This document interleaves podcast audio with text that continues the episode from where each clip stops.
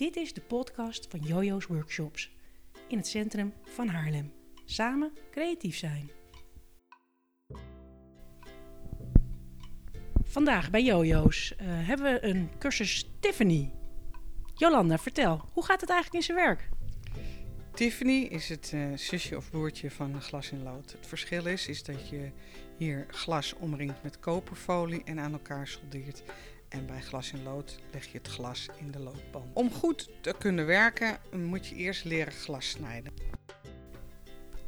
Hoe snij je glas?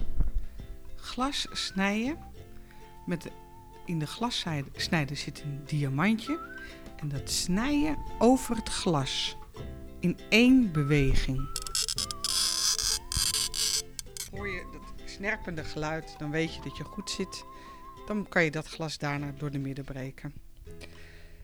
Voordat je met Tiffany begint, weet je wat je wil gaan maken. De mal knip je uit, je legt het op het glas, je tekent het glas af en je snijdt het glas in stukken.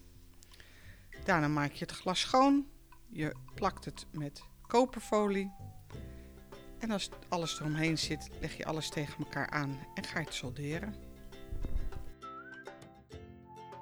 Hoe, uh, hoe snel gaat zoiets, Tiffany? Dat is een beetje afhankelijk van hoe snel je het glas snijden onder de knie hebt. Maar twee dagen ben je minimaal bezig.